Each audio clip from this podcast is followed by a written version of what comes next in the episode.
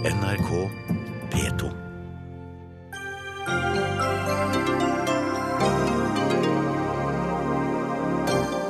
Regjeringens nye veiselskap, Nye Veier, lover å bygge nye veier raskere og billigere, men med enklere standard. Kan det kalles effektivisering? Nei, svarer Arbeiderpartiet, som møter samferdselsministeren til debatt. God retorikk og lite politikk er dommen når en historiker og en retoriker hører Barack Obamas tale på Demokratenes partikongress i USA. Nordmenn i den lille byen Torrevieja kan bo 30 år i Spania uten å lære seg et ord spansk. Dobbeltmoralsk, sier debattant, som spør om vi hadde godtatt en koloni av rike arabere i Norge med egen skole og egen butikk. Og vi lures til å tro at høns og fisk har det bedre enn de faktisk har, sier Dyrevernalliansen, som tar et oppgjør med det de kaller dyrevelferdvasking.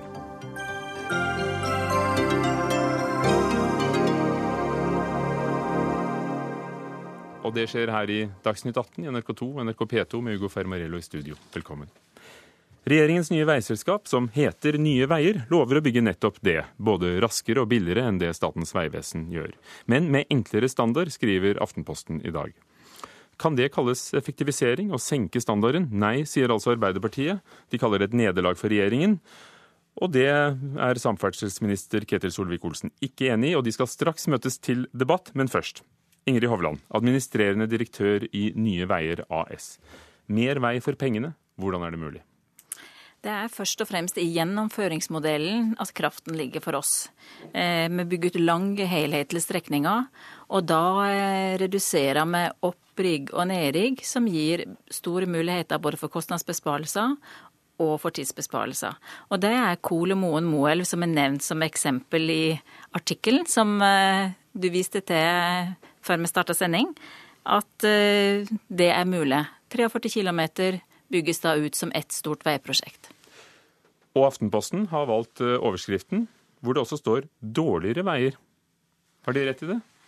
Nei, det har jeg nok ikke rett i. Fordi Men standarden blir enklere? Stand, vi utfordrer standarden, ja. Vi ønsker i større grad å industrialisere. Eh, F.eks. små kulverter, kortere brustrekninger. Det ønsker vi å industrialisere. Én standard, lik utførelse, mer fabrikkproduksjon. Eh, F.eks. Så det å standardisere mer på løsning gir òg en lavere kostnad. Dere er jo kommet i stand etter en rask planlegging i eget selskap og rask behandling på Stortinget. Du som veiingeniør som har jobbet i, i Vegvesenet før, det høres jo så enkelt ut. Hvorfor har ikke Vegvesenet tenkt på dette tidligere? Andre som bygger veier? Jo, det tror jeg helt sikkert at det har vært tenkt på, og så må det da gjennomføres.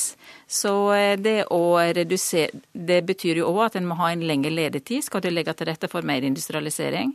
Eh, vi ønsker tidligere involvering av eh, entreprenør og utførende prosjektering. Så det er òg eh, da gir muligheten for å, for å konkurrere på teknisk løsning og legge til rette for bedre produktivitet, som igjen vil gi en lavere kostnad. Du nevnte standardisering av, av, av visse ting, kulverter, broer osv. Men, men dere foreslår jo også å bruke mindre veibelysning. Eh, hvilke tiltak er det dere kan gjøre som ikke går på bekostning av, av trafikksikkerheten? Ja, det er mange ting vi kan gjøre som ikke går på um, bekostning av trafikksikkerheten. Og trafikksikkerhet er viktig. Trafikksikkerhet og teknisk kvalitet, det står i høgsetet i oss. Eh, så kvalitetssikring helt igjennom, det er viktig. Men eh, mindre veibelysning, f.eks.? Men mindre veibelysning, f.eks. Og det når vi er utfordra på det området i tillegg, så er det fordi at vi òg ser på eh, utviklingen på vei på billyssida, så ser du at det går i retning av bedre lys på bilen. Eh, og når du da er utafor tettbebygd strøk, eh, og du kjører på en lang, rett strekning med midtdeler, som vi vil ha på våre veier, du har viltgjerde, så er det etter vår oppfatning en sikker, en sikker veistrekning. Eh, og det er klart det har jo òg et miljøaspekt, det med å ha belysning overalt. Eh, og når vi sammenligner med, med våre svenske naboer i, i, øst, så ser vi jo at en har mindre grad bruk, eh, bruk av veilys på lange strekninger som er i ubebygde områder. Frode Skjervø, distriktsleder i, i Trygg Trafikk i Nord-Trøndelag. Kan veiene bygges raskere, billigere og enklere uten at det går på sikkerheten løs?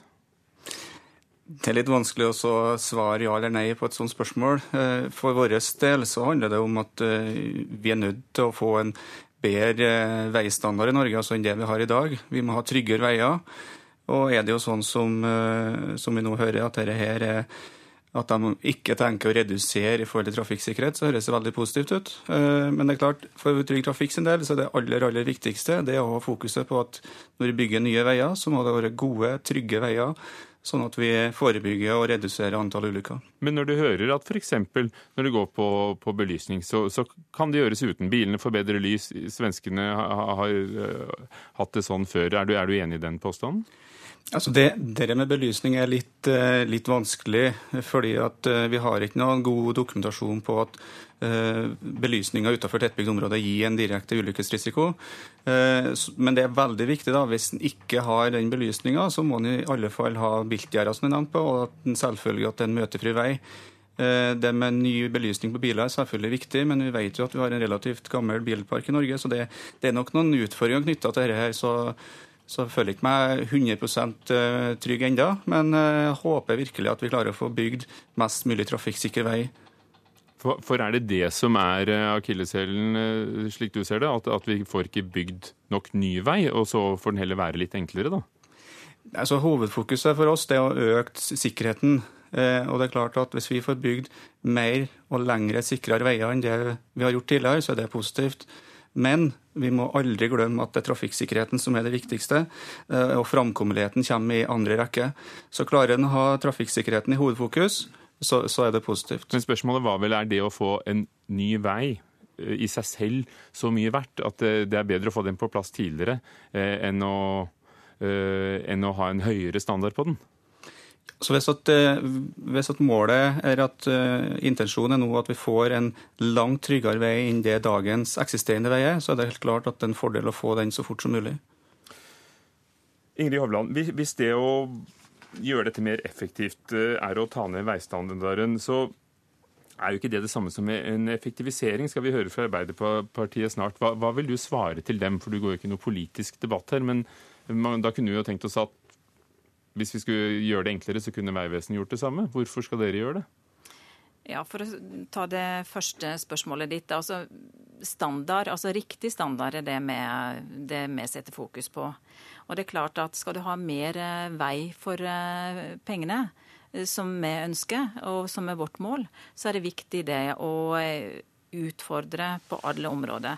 Men det er klart at eh, trafikksikkerhet, kvalitet, teknisk kvalitet, det blir ivaretatt. Men Betyr det at dere må få unntak fra, fra de normene som ligger der, fra Veidirektoratet?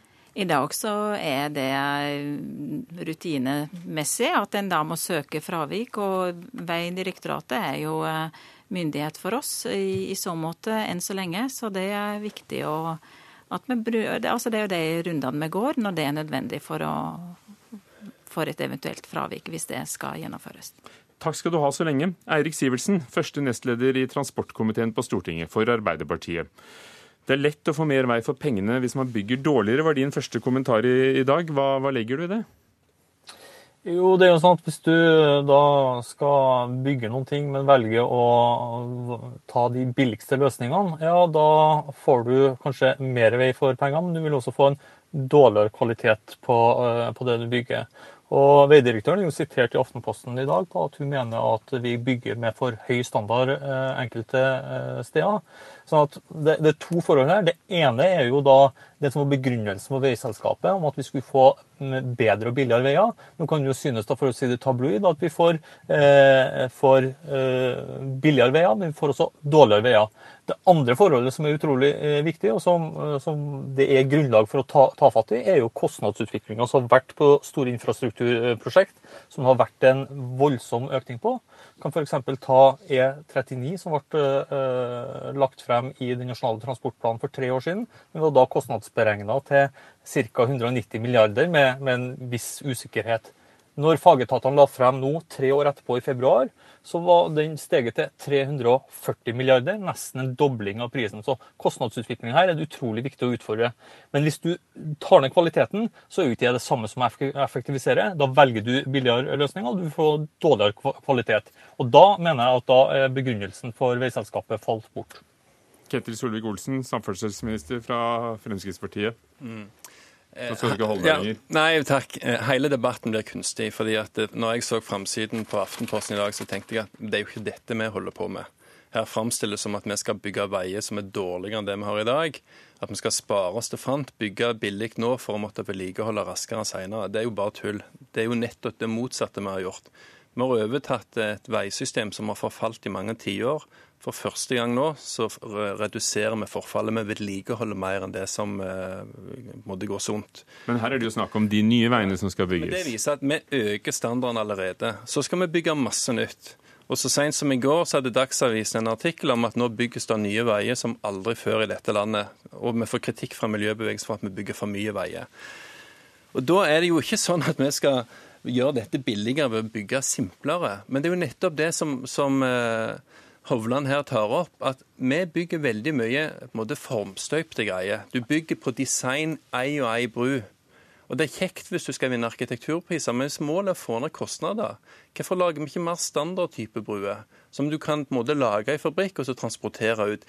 Det er det vi skal få ned kostnadene. Det betyr ikke at brua blir mindre trygg, mindre kapasitet, dårligere holdbar. Det blir gjerne ikke så unik som alle de andre bruene, eller, ja, sånn. men du får noe som blir billigere å lage. Det er jo det som er målsettingen. Og du mener det er ingenting der som går på bekostning av, av trafikksikkerhet Nei, og det, og, det, og det det som er så fremtidig vedlikehold? Nei, absolutt ikke. For det, det å spare seg det, Noe av det dummeste jeg holder på med, det er når jeg reiser rundt og ser på prosjekt som Arbeiderpartiet har vært med og vedtatt, som er blitt underdimensjonert bevisst for å spare penger, og så kommer du 10-15 år senere.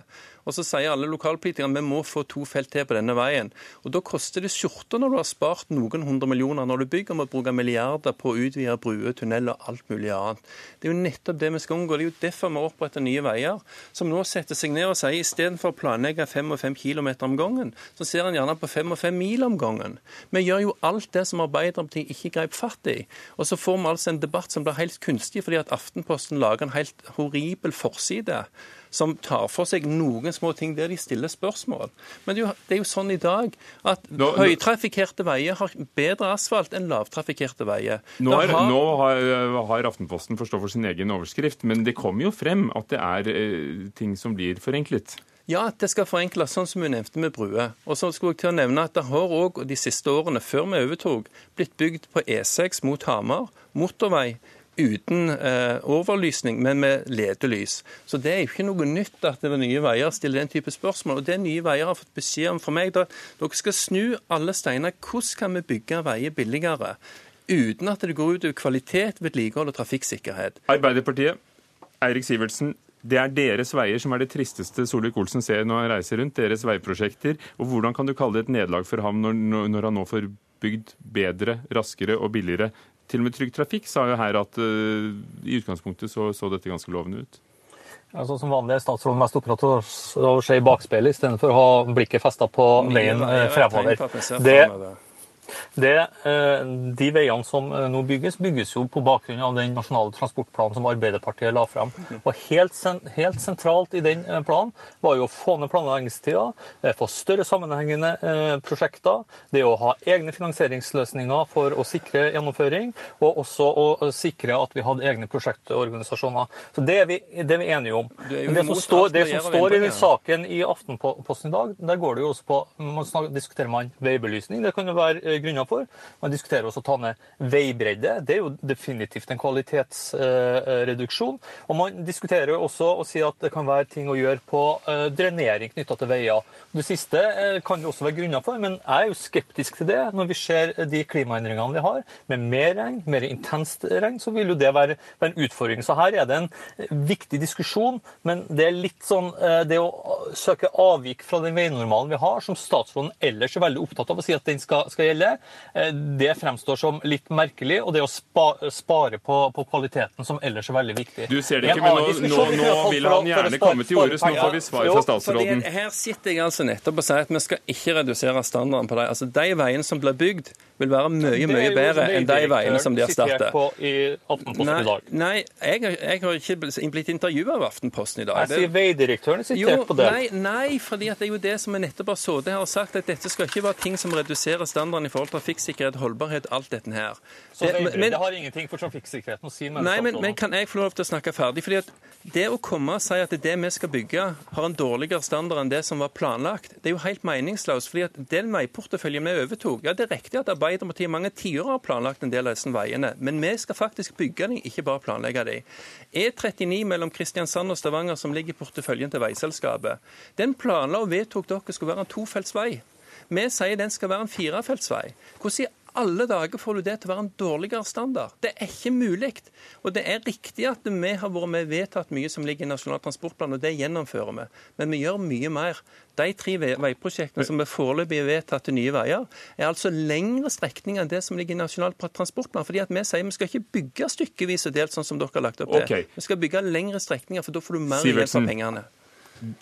Mer vei enn det som var planlagt. Men er det ikke et poeng at uh, Veidirektoratet vil jo da gripe inn hvis, hvis, de føler at dette går på standarden løs? At, at de har jo en tilsynsmyndighet der? Ja, nå gjenstår det å se om det blir mer vei enn det som er, er planlagt, fordi at eh, kostnadene galopperer jo av gårde. og Hvis du ser på hva fagetatene uh, la frem, så har man jo begynt å ta prosjekter ut av gjeldende nasjonale transportplan fordi at man ikke har nok penger. Det er en utfordring for, for regjeringa. Vi venter i spenning på å se hvordan de møter den utfordringa. Hvis svaret her skal være å redusere på, på veibredden, skyve prosjekter inn i, inn i, i framtida, ja, så er det mulig at du klarer å bygge, eh, bygge billigere, men det blir dårligere kvalitet. Hva er, er sånn svar? Hva er ditt svar på hvordan vi skulle få mer vei for pengene og unngå galopperende kostnader? Jo, her det, er en, det, er en, viktig eh, debatt. og eh, Det er mulig at vi kan spare noen eh, titalls millioner på å redusere veibelysning. Det er allerede gjort, som statsråden har sagt. Det, det, er helt riktig. Da må det være faglig belegg for det. Men du kan ikke saldere mot eh, trafikksikkerheten. Men, men en, en, av de tingene eh, vi burde ha gjort, er jo som vi også har utfordra byggebransjen på når det gjelder bolig, fordi at vi har sett tilsvarende eh, vekst der. og Det er å begynne å diskutere produktiviteten. Der, føl, der følger nå veiselskapet opp det som har gjort på en del av utviklingsprosjektet prosjektene i, i, Vegvesenet. Det å gå inn i debatt med entreprenørene, det syns jeg er en bra løsning. Men problemet med veiselskapet er at du oppretter en parallell organisasjon som skal gjøre det samme som, eh, som Vegvesenet. En dunge med nye eh, direktører som konkurrerer om de samme kompetansene som finnes i Vegvesenet. Det får en parallell organisasjon, og det er sløsing med penger. Ok, Ketil Solvik-Olsen, Har de gitt mer byråkrati og de, de samme veiene? Nei, det har de ikke. Altså, for det første, Veiselskapet viser allerede gjennom det som er gjort, at de får ned kostnadene. Eh, de jobber med mindre organisasjon. Så er det ikke riktig at dette er parallelt. De veiprosjektene som Nye Veier har, er nå ute av Vegvesenet. Arbeiderpartiet går rundt og later som at de som sitter og jobber med Nye Veier, gjør det samme som Vegvesenet gjør. Nei, det, ansvar og oppgavene er fullstendig flytta. Så de, de folkene er ikke lenger i Vegvesenet. Og de får ikke bedre betalt enn de gjør i Vegvesenet. Så det er òg igjen en kunstig debatt. Men jeg konstaterer altså at for første gang på tiår så reduserer vi forfallet på veinettet i Norge. Dette det begynte du med å si, så jeg må gi dere rødt lys allerede der. Lengre strekninger til en lavere pris. Det var innledningen din også. Takk skal dere ha, Ketil Solvik-Olsen, samferdselsminister fra Frp, Eirik Sivertsen, første nestleder i transportkomiteen fra Arbeiderpartiet, og takk også til Ingrid Hovland fra Nye Veier AS, og til Trygg Trafikk, som var med oss fra mm, Steinkjer. Dagsnytt 18 alle hverdager kl 18.00 på NRK P2 og NRK2.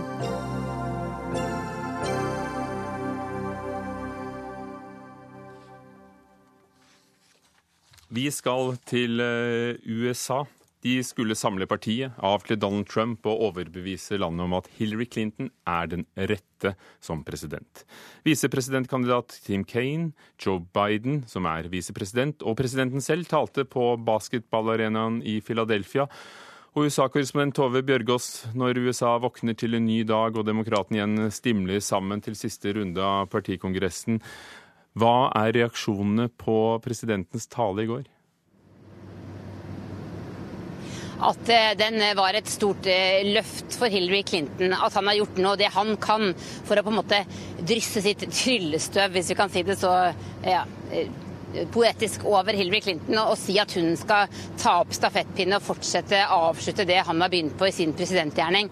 Eh, Obama vil jeg si, holdt en av de beste talene jeg har hørt ham holde. Og han fokuserte på kompetansen til Hillary Clinton, eh, og at hun, eh, at hun er den rette til å overta. Men også at det er viktig at alle skjønner selvfølgelig at han mener at Donald Trump er en demagog og fullstendig ukvalifisert. Men den som først og fremst tok ned Donald Trump på en effektiv måte i går, det var visepresident Joe Biden.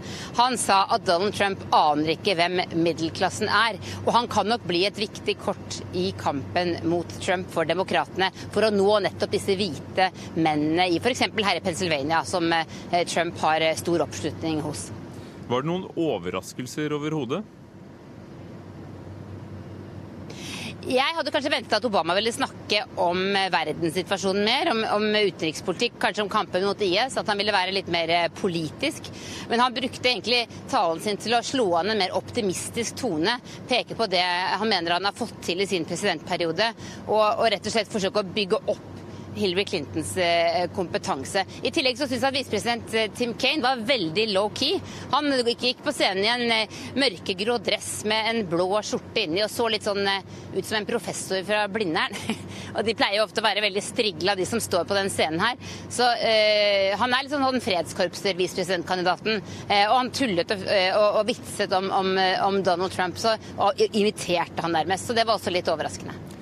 Det som ble en stor uh, nyhet i løpet av dagen i går, og da på, på kvelden for oss her, var jo at uh, Donald Trump uh, oppfordret Russland til å, til å nærmest avlytte og, og, gå inn og se om det var noen slettede e-poster, og ja, oppfordret til spionasje. Hvordan er det blitt kommentert Jo, det ble kommentert her i, i hele går. Eh, og så eh, har faktisk Donald Trump nå i dag, eh, for en liten stund siden, holdt en eh, pressekonferanse i Florida hvor han har sagt at han bare tulla. At dette var bare en sarkastisk kommentar fra hans side, og at, eh, at han selvfølgelig bare tulla sammen. Det kom også reaksjoner fra Russland i går. Eh, demokratene her har jo sagt lenge at de mener at Det demokratiske partiet er blitt hacket av russiske myndigheter. Men dette er jo blitt en sånn konspirasjonsteori i løpet av eh, uka. Barack Obama sa altså at amerikanere fra alle samfunnslag har troen på at sammen står de sterkere. Sorte, hvite, latinoer, asiater, homofile. Alle sammen. La oss høre. Black, white, Latino, Asian, Native American, young, old, gay, straight, men, women, folks with disabilities, all pledging allegiance under the same proud flag to this big, bold country that we love. That's what I see. That's the America I know. And there is only one candidate in this race who believes in that future, has devoted her life to that future. Det er bare én kandidat som har eh, viet seg til denne fremtiden for Amerika. Mor og bestemor. Selvfølgelig Hillary Clinton. Kjell Terje Ringdal, du leder eh, det såkalte Washington-seminaret. Et årlig kurs, og underviser retorikk ved Høgskolen Kristiania. Hvilke grep er det Obama har brukt når du har eh, sett hele talen hans? Først og fremst så er jo dette en eh, fantastisk eh, tale, for den er velstrukturert og den er veldig klar og tydelig. Og Det denne talen i hovedsak gjør, er jo at man trekker fram karakter, altså den manglende karakteren hos eh, Donald Trump. Og det å skape fellesskap med Amerika, og det å hente fram de amerikanske verdiene, og det vakre med Amerika, og det vakre med det å stå sammen. Så sånn sett så, så, ser vi en typisk det som retorikken kaller for en leilighetstale, som skal bygge og styrke felles verdier. Og Det gjør han jo ved å bygge opp eh, Hillary Clintons etos, altså hennes eh, kraft, ærlighet, moral osv. Og, så og samtidig som han da eh, bygger ned den tilsvarende etosen, den manglende karakteren, hos Donald Trump.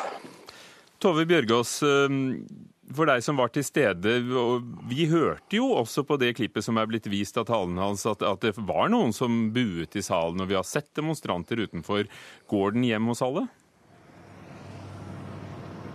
Det er noen som ikke, ikke fortsatt gir seg, holdt jeg på sagt. Altså, det er noen som fortsatt er veldig skuffet over at Bernie Sanders ikke er presidentkandidat, og mener at Hillary Clinton har stjålet nominasjonen. Eh, og de satt i salen i går og ropte slagord for å stanse den store handelsavtalen TTP, bl.a., eh, med EU, eh, som de er veldig imot. Eh, men ble også hysjet på av andre i salen. Men den overveldende delen av salen i natt var jo eh, helt overbegeistret over talen til Obama. Og det var altså hvert eneste sete var fylt. Det var køer utenfor alle inngangene i denne enorme basketballhallen som dere som ser på TV kan se bak meg her. Eh, på Republikanernes møte i forrige uke opplevde vi jo at det var tomt på tribunene langt oppover veggene. Nå er det flere delegater på demokratisk side, men i går var det altså stinn brakke. Halvard Notaker, historiker, du har fulgt amerikanske valgkamper eh, i mange omganger. Hørte du noe politikk i talen hans og i de andre talene? Eh, det som Obama gjorde, var jo hans, det som er hans glansnummer. Det er, han, er en, uh, han er en fantastisk forteller, en formidler, som klarer da å gjøre det hans taleskrivere jo hjelper han med, til en slags store fortellinger hvor han uh, legger fram det som på en måte er meningen med Amerika i hans, det universet han da skaper. Og så vever han livshistoriene til de ulike karakterene inn i den fortellingen, sånn at de får en rolle som det en, eh, en sosiolog eh, som heter Jeffrey Alexander. Han, han skrev en fantastisk bok om, om, valgkampen i 2008. hvor Han snakker om at de hele tiden er en kamp mellom sol og skygge. Man skal kjempe om hvem som skal være skurken og helten i fortellingen. Og Det Obama gjør i den talen, det er at han sier at meningen med Amerika er en del av de tingene som Ringdal trakk fram her om fellesskap. Han snakket om hardt arbeid, raushet overfor andre, ydmykhet.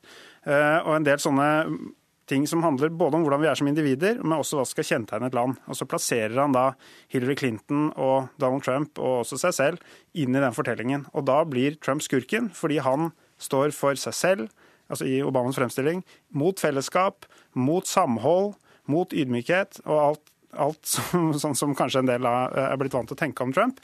Eh, så han får rakket ned på han og løftet Hillary Clinton opp med det samme. For hun er da den som hele livet har hatt et brennende hjerte for barns rettigheter og for fellesskapets beste og for den svake osv., som da blir helten i denne lange fortellingen som handler om Amerika, om, eh, om deg, om eh, hele befolkningen og om det valget alle skal ta. Det er det disse talene gjør. De er fortellinger om alt på en gang.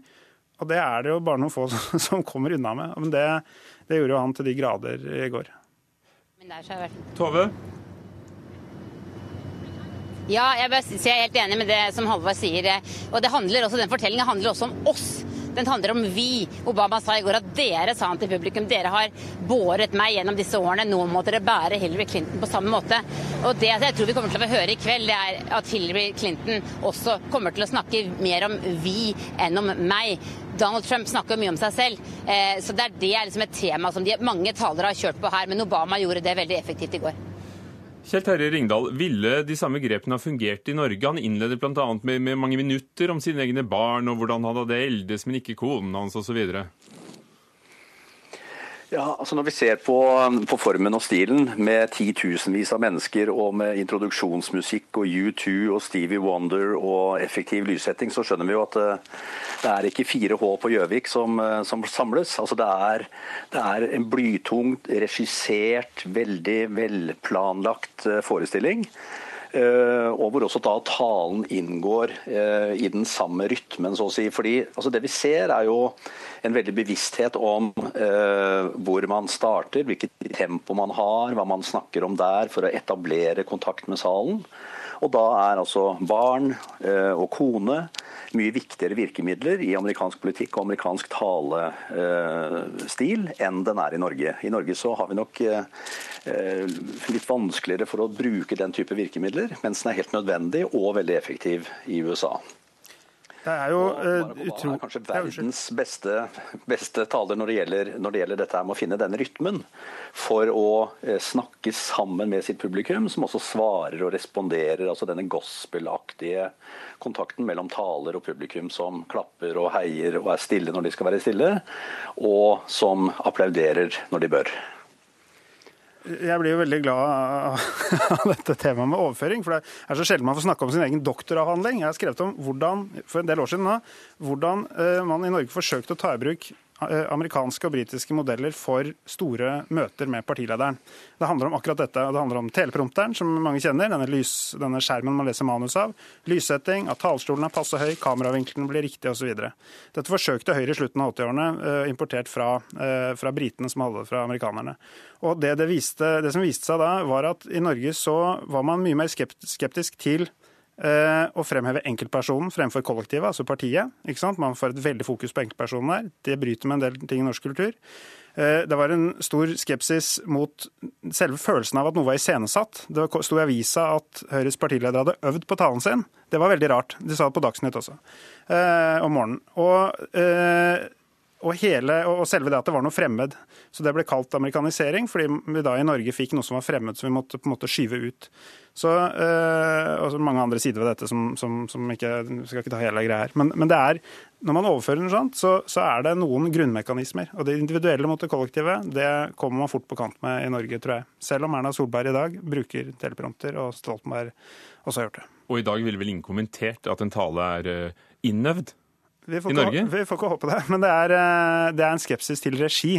Og regien er jo helt enorm på disse møtene. Kjell Terje Ringdal, denne regien, altså uten sammenligning av de politiske budskapene, det, det, er jo en moderne utgave av det som kanskje begynte med Leni Riefenstahls film 'Viljens triumf' på 30-tallet i Tyskland? Ja, dette er, dette er, jo appellen til, eh, til, følelsene. altså Det å vite veldig godt hvilke ord, hvilke begreper, hvilke historier, hvilke lyssetting osv. som virker. For dette er jo altså dette er en scene i en film.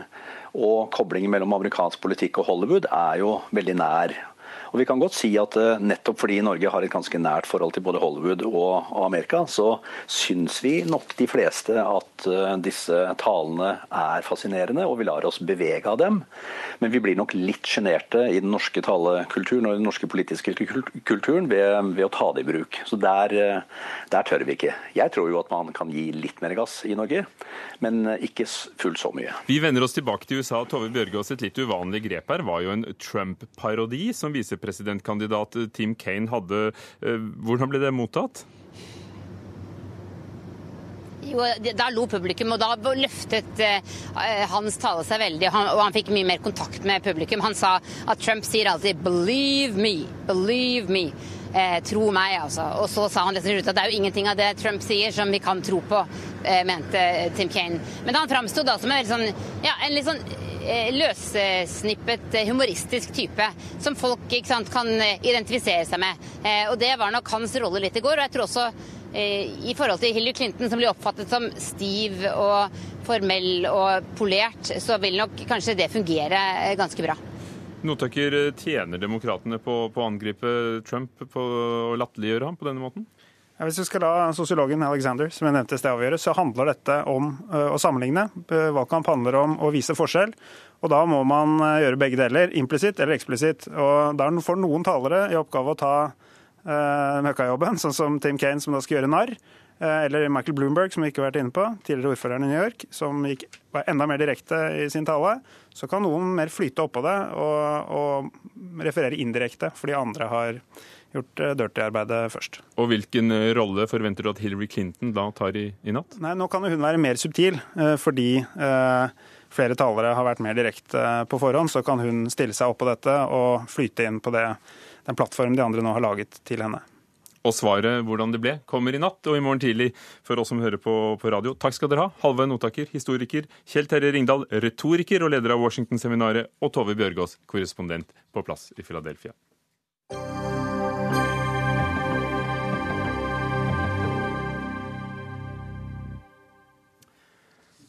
De har bodd 30 år i et fremmed land uten å ha lært seg språket. De har egne butikker med importert mat, egne barer, møtesteder, aviser med nyheter fra gamlelandet. Og barna deres går på egne skoler, og, og mange har bare venner fra hjemlandet. Vi snakker ikke om italienere i Norge, eller somaliere i Norge, eller franskmenn i Norge, men om den norske kolonien i Torrevieja i Spania på middelhavskysten. Hadde nordmenn akseptert den samme atferden fra folk som kom til Norge. Tønsbergs Blad har hatt en serie reportasjer fra den lille byen, og den har skapt debatt. Jakob Semb Osmussen, journalist i Tønsbergs Blad, det er du som la ut på reportasjereise. Hva var det du ville oppdage?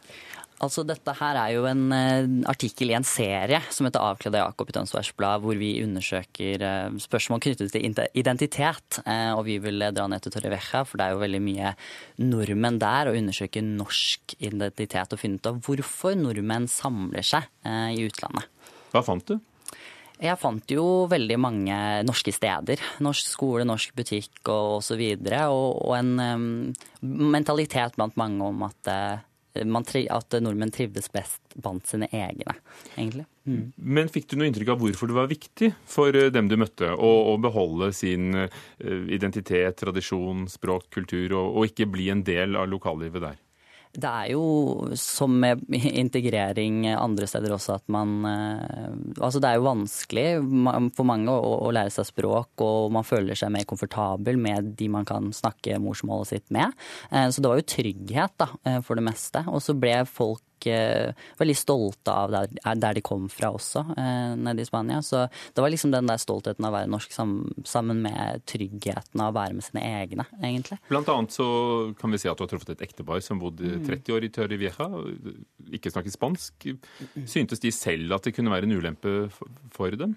Ja, de eh, hadde jo vært litt sånn til og fra. da De ville jo ikke flytte, bli fastboende sånn at de skulle betale skatt og sånn til Spania. Eh, men eh, de sier at, ja, de, at de hadde hatt problemer med å, å integrere seg, da, eller fordi de ikke kunne språket eller ikke hadde lært seg språket. Så hadde de problemer med å nå ut til eh, spanjoler. Eh, og at de syntes det var vanskelig å, å, engasjere seg i det spanske samfunnet pga. den barrieren da, der. Og de sier jo også at de syntes at spanjolene var litt lukka mot, mot de nordmennene. Traff du noen spanjoler? Hva sa de om å ha så mange nordmenn og, og andre utlendinger? Dette er jo en by med mange ja. engelskmenn, tyskere Ja, nei, Torrevieja er jo en by med nesten 50% utlendinger. Det er jo en turistby, og jeg merka på de jeg snakka med at mange var litt lei av at eh, de hadde på en måte at byen hadde blitt overtatt av utlendinger. Men de, det er mange som tjener på, på, at de får mange altså turister der pga. turistnæringen. og eh, Bl.a. nordmenn bruker mye penger. Eh, men det var bl.a. noen som reagerte spesielt på sånn 17. mai-tog og sånn i gatene i Torrevieja. Eh, det, det, var noen som hadde kasta egg og sånn på dette toget, for de mente at det må være måte på nasjonalistisk demonstrasjon i et annet land. Du intervjuer representanter for eh, Fremskrittspartiets eh, mm. Torrevieja-avdeling. Er, er, det mange der som er opptatt av norsk innvandrings- og integreringspolitikk?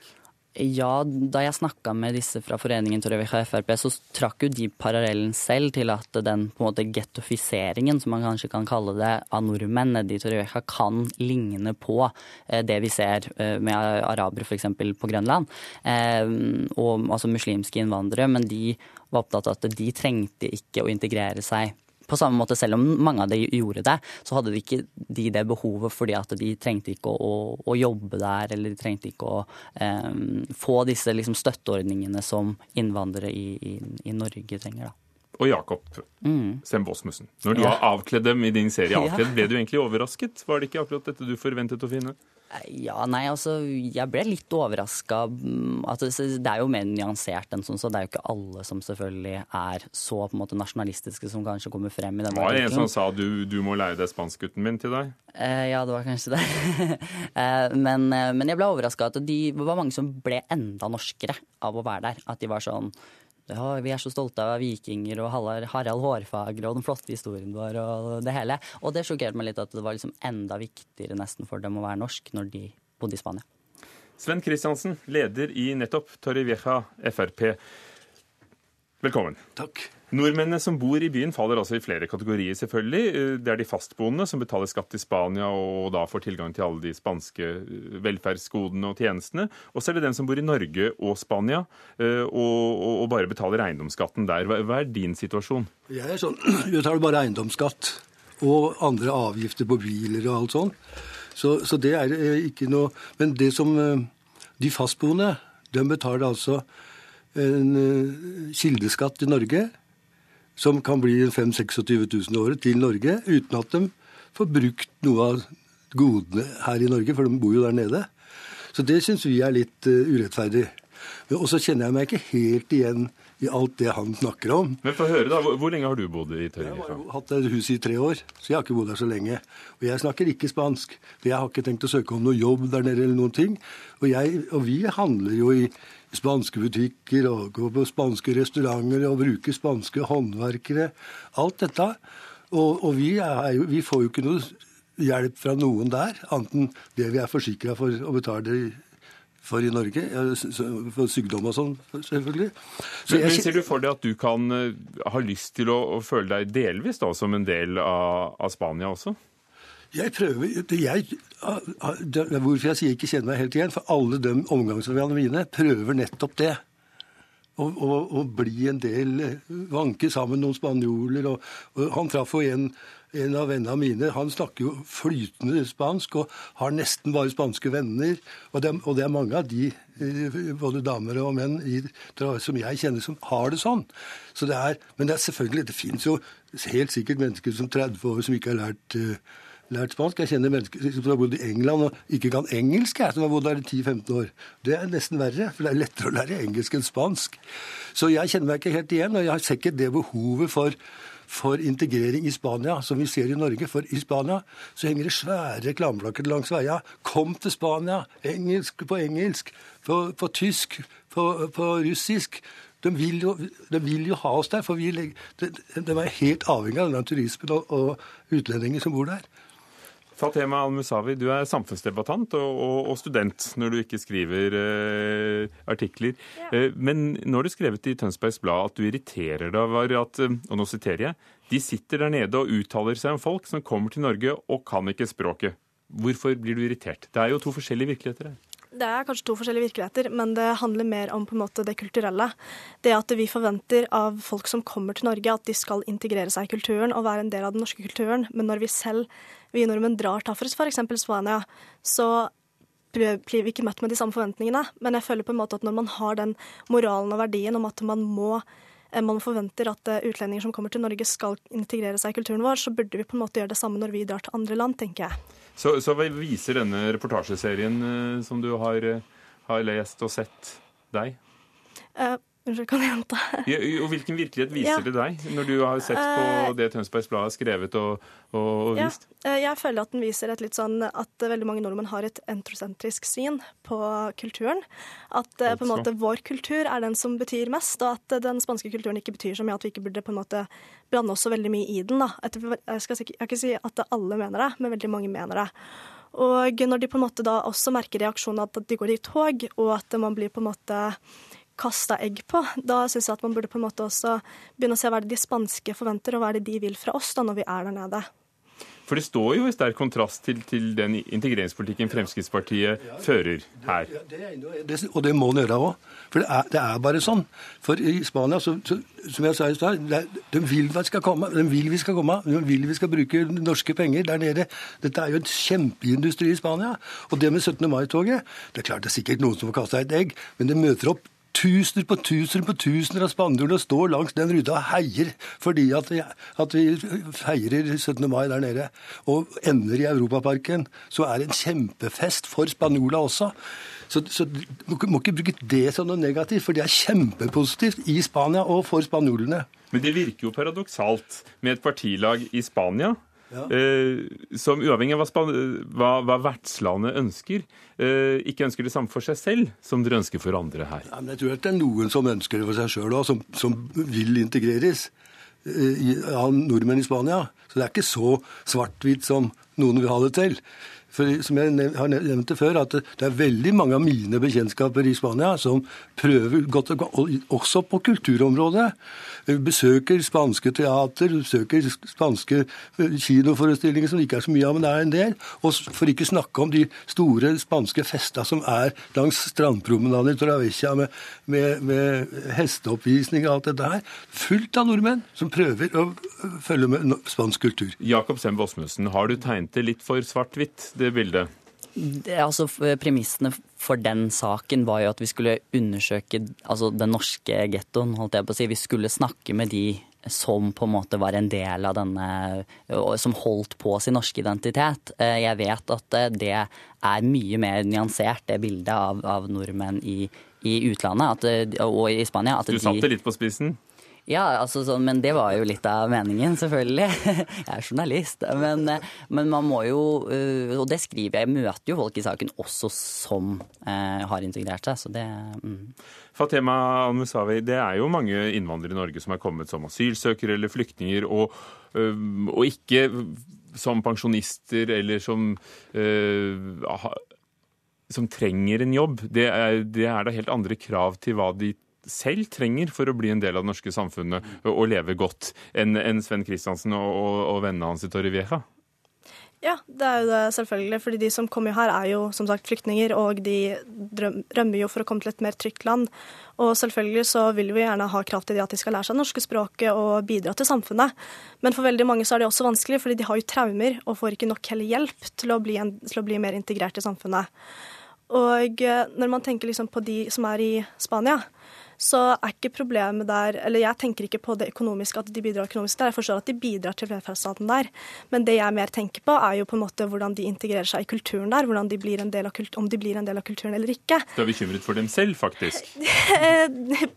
ja og nei. Jeg er mer bekymra for at uh, spanjolene kanskje føler at vi bare kommer og tar over, og at vi bare på en måte nesten kaster det ut av sitt hjem, da, egentlig.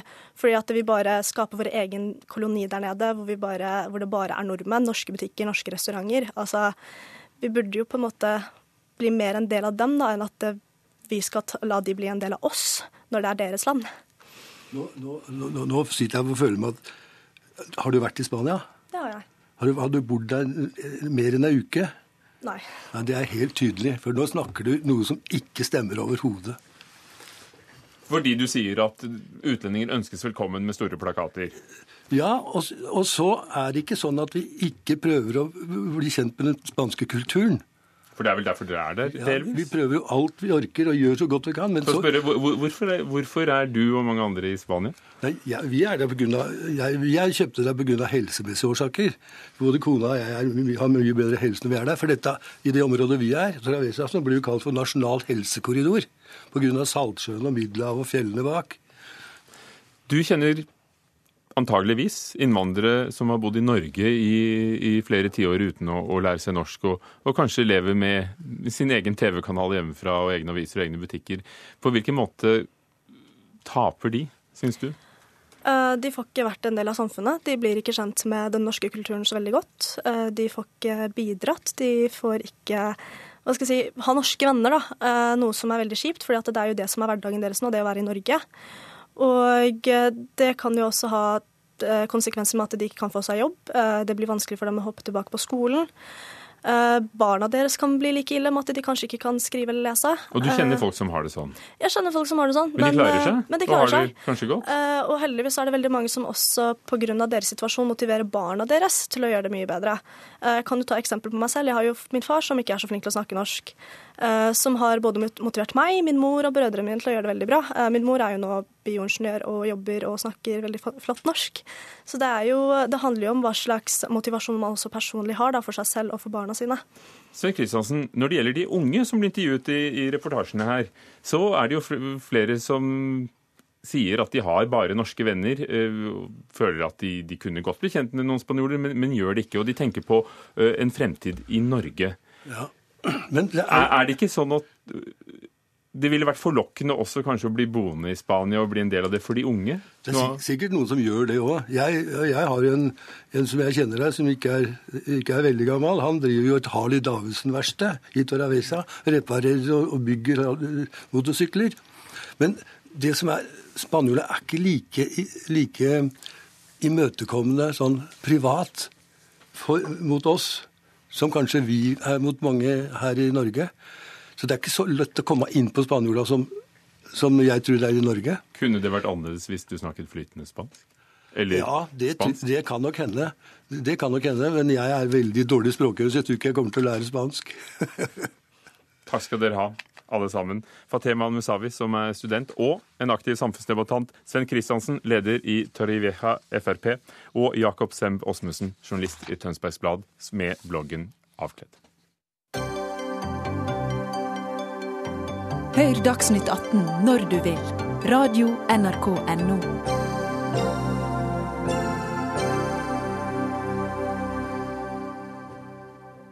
I går beordret tyrkiske myndigheter eh, stengningen av 16 TV-stasjoner, 23 radiokanaler, 15 ukeblader, 29 forlag, 45 dagsaviser og av dem både lokale og nasjonale medier. Regjeringen hevder at disse står i ledetog med dem som sto bak kuppforsøket 15.07. Kristin Solberg, vår korrespondent i Istanbul. Disse reaksjonene, hvem er det som blir rammet? Ja, Det er en hel del som blir rammet. Vi ser at det er institusjoner som skoler, eh, eh, helseklinikker, universiteter som stenges eh, eh, fordi de blir anklaget for å ha en eller annen form for tilknytning til eh, denne Gulen-bevegelsen. Og Vi ser også blant offentlig ansatte så har flere titusen mistet eh, jobbene sine. Bare i dag så ble 88 personer i Utenriksdepartementet sparket, blant dem to ambassadører. Um, og det går også veldig hardt utover medier. Uh, myndighetene vil stenge uh, over 130 medier, og de har også kommet ut med en liste over 89 journalister som de ønsker å arrestere. Og en del uh, av dem som rammer, rammes, har tilknytning til Gulen-bevegelsen, men det er også en hel del som ikke har det. Nå går det utover konkret de titusener som mister jobben er arrestert. Men hvilke ringvirkninger vil dette få for samfunnet etter hvert? Ja, det er klart at Ringvirkningene her kan bli store, men den aller største sånn eh, på nåværende tidspunkt vil jeg si er den frykten som har spredd seg blant alle dem som er kritiske til det som skjer eh, i dag. Jeg snakket i dag med en gruppe jenter i 20-årene eh, som hadde alle stengt Facebook-profilene sine fordi de tidligere hadde lagt ut meldinger som var kritiske mot Erdogan og mot regjeringen her her. Og de fryktet straffeforfølgelse pga. det, og hadde altså stengt eh, sine Facebook-profiler. Og de sa at de heller ikke turte å snakke høyt eh, om myndighetene, eh, når de snakker da kritisk om det som har skjedd etter kuppforsøket, eh, hvis de var eh, ute på gaten. Så det er klart at den frykten, den har lenge vært her i Tyrkia, etter hvert som vi har sett hvordan menneskerettighetssituasjonen er blitt stadig forverret. Men de siste eh, ti dagene så har den blitt mye større. I går eh, hørte vi den tyrkiske Shashed-affæren i Norge fra offisielt hold forsikre oss om at menneskerettigheter og, og, rettsstatens prinsipper skal gjelde for den som er arrestert eller på annen måte får sanksjoner mot seg. Hva sier kritikere til det? Ja, Det sier jo myndighetene her også, og de mener at en unntakstilstand er noe som ethvert annet land som eh, hadde opplevd det samme, ville ha igangsatt. Men eh, kritikere er ikke enig i eh, det som har skjedd siden, de sier at menneskerettighetssituasjonen er blitt dramatisk forverret. Flere menneskerettighetsorganisasjoner har kommet med bekymringsmeldinger. Amnesty International kom nylig med en melding om at flere var blitt torturert og dårlig behandlet i, eh, i, varetekt. Så det er mange av dem som er opptatt av menneskerettighetssituasjonen her i Tyrkia, som er veldig bekymret eh, etter det som har skjedd siden kuppforsøket. Men det var et kupp. 290 mennesker døde. Eh, er det også forståelse blant opposisjonen for at noe må gjøres? At regjeringen må gjøre noe? Og absolutt I stor grad så er det en forståelse for det. Eh, vi ser blant mange tyrkere så tenker de eh, her ble selve staten, her ble demokratiet truet. Nå må det tas grep. Og Det vi også har sett siden kuppforsøket, det er at eh, opposisjonen i parlamentet, to av tre opposisjonspartier i parlamentet, har gått sammen med regjeringspartiet. De har demonstrert sammen med dem. Og det er um, veldig unikt i tyrkisk sammenheng sammenheng. Eh, for dette her er et veldig splittet politisk, eh, politisk, landskap. slik at nå har de tre største partiene da altså gått sammen eh, for, for det de mener er å beskytte demokratiet. Takk skal du ha, Kristin Solberg, korrespondent i Istanbul.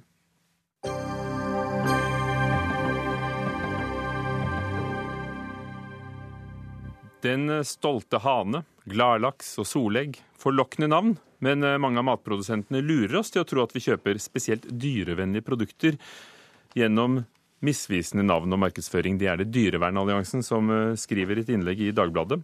Gladlaksen har det ikke bedre enn annen oppdrettslaks, og hønene som legger de såkalte soleggene, er slett ikke ute i, i sollyset i det hele tatt, ifølge dere. Marianne Kule, sivilakronom og fagleder i Dyrevernalliansen. Eh, dere har et ord for dette. Dyrevelferdsvasking. Nettopp. Eh, vi ser en uheldig utvikling der eh, matbedrifter, de her store aktørene som Den stolte hane eller Lerøy som har Gladlaksmerket, at de later som produktene deres har bedre dyrevelferd enn konkurrentene sine. Mens det faktisk er kun standardproduksjon. Ingen av de tre produsentene som eh, du har nevnt her, stiller til debatt. Så er det sagt. Men de sier jo ingenting om at dyrene har det bedre. På Solegg står det bare at plommen er gulere fordi det får et spesielt fôr. Det står bare at laksen ikke har palmeolje i fôret og, og, og, får et godt fôr. Det står ikke noe sted at de har en bedre standard på dyreholdet. Mm. Det kommer jo mer implisitt fram. da. De, jo, de, har jo store markedsføringskrefter bak seg og vet hvordan det skal gjøres i å bevege seg i gråsonen før det blir villedende markedsføring. De skryter av dyrevelferd mer implisitt, med retoriske virkemidler og vakre bilder av dyr som er utendørs, f.eks. Men så, så, sier de at det er bare tegninger. Vi må jo forstå at det ikke er virkeligheten. Um, og det her er jo noe som uh, er svært uheldig for de bøndene og de produsentene som har bedre dyrevelferd. Og hva mener du burde gjøres? Hva burde Forbrukerombudet gjort? Mm. Vi etterlyser jo rett og slett at uh, Forbrukerrådet tar tak i verstingene i bransjen og setter en standard for hva som skal være akseptabelt på dette området. Og får i gang prosesser rundt å få en bransjenorm eller retningslinje for hva som er redelig markedsføring på dyrevelferd. Randi Flesland, direktør i Forbrukerrådet. Er du enig i at forbrukeren blir villedet? Nå har vi tre eksempler, men uh, Dyrevernalliansen mener at det er større problem enn som så. Ja, Forbrukerrådet er jo for så vidt enig i det. Vi har jo gjort en del undersøkelser selv også, hvor vi sier at informasjonen bør være mer korrekt. Altså Det som står med store bokstaver på forsiden, må være sant. Og det betyr at det er det samme som står med små bokstaver på baksiden. Eh, Men alle skjønner at den stolte hane og gladlaksen, altså dyr er ikke glad nødvendigvis når de blir slaktet, og, og hanen er ikke stolt. Nei, det vi snakker om eh, for øvrig er jo at du gir en form for informasjon som virker veldig positiv. Og det oppfatter jeg det som Dyrevernalliansen også er opptatt av. Hvis vi holder oss til gladlaksen, da, så står det f.eks. at den er eh, uten bruk av antibiotika. Ja, so what? All laks i Norge er jo egentlig antibiotikafri. Så det er jo ikke noe grunn til å si at den er bedre enn andre. Så vi er nok litt enig i at markedsføringen markedsføringen kan være både villedende og gi et feil bilde. Og hvor har du vært, da? Hvor jeg har vært? Som ikke har gjort noe med dette? det jobber vi med hele tiden. Eh, vi har jo ordninger som ja. svane, svanemerket og, og nøkkelhull. Og nøkkelhull og det hele. Vi har jobbet med det i Forbrukerrådet i mange år. og Vi har også hatt et godt samarbeid med Mattilsynet. Nå har Mattilsynet gjort en kjempejobb siden vi begynte å sette fokus på dette. Sånn at eh, nå er faktisk den merkingen blitt bedre. Men det er fortsatt et godt stykke å gå. Og så skjønner jeg det at eh, det nå ønsker at vi skal inngå et samarbeid for å få ytterligere merking. Og vi er selvfølgelig alltid positive til det. Det er alltid hyggelig å få den tilliten. Det som alltid vil være vårt fokus, er jo forbrukerne. Hva som er viktig for forbrukerne. Og da er vi opptatt av trygg mat. Vi er opptatt av helse, og vi er opptatt av korrekt informasjon. Men hvis forbrukerne tenker på dyrene, hva ønsker du å se på pakken, eller vil du tilbake til 70-tallets eh, blåhvite serie fra Samvirkelaget hvor det heter bare egg, laks? Eh, nordmenn er opptatt av dyrevelferd og ønsker å betale mer for det. Så eh, bare de får kjapp informasjon i kjøpsøyeblikket, som jo varer noen sekunder, på informasjon de kjenner de kan stole på. Og da er jo en offentlig merkeordning veldig grei å orientere seg etter, eller en med, eh, som er i samarbeid med en aktør som godkjenner den, som f.eks. vi i Dyrevernalliansen. Vi er jo veldig opptatt av å støtte opp om dette feltet med at forbrukeren kan gjøre positive valg på dyrevelferd. Kunne ikke dere støttet om det som økologiske organisasjoner har sin egen merking? Ja, nettopp. Eh, vi får forespørsler stadig fra bønder som jo ønsker å løfte fram sine produkter på dyrevelferd. Ehm, men vi savner at dagligvarekjedene og de større bedriftene, f.eks. Tina og Prior, kommer på banen. Og da tror vi at eh, det er en som dere i Forbrukerrådet som må komme i gang med å bruke de kanalene dere har, til å skape dialog om Som det. Som sagt, de kom ikke på banen i dag, men uh, bør dere være mer opptatt av dyrene enn forbrukerne? Nei, vi vil alltid være mest opptatt av forbrukerne. Eh, men det er helt klart at eh, dyrevelferd er en bit av kvalitetsaspektet som svært mange forbrukere er opptatt av. Så at den informasjonen blir tilgjengelig for forbrukerne, det er vi opptatt av. Og ta gjerne med den informasjonen på dagligvareportalen når den er oppe og går Takk om en stund. Takk skal dere ha. Randi Flesland, direktør i Forbrukerrådet, og Marianne Kule fra Dyrevernalliansen. Lisbeth Sellereite var teknisk ansvarlig, Gjermund er produsent, Ugo Fermarello programleder. Det var Dagsnytt 18. Takk for i dag. Hør flere podkaster på nrk.no podkast.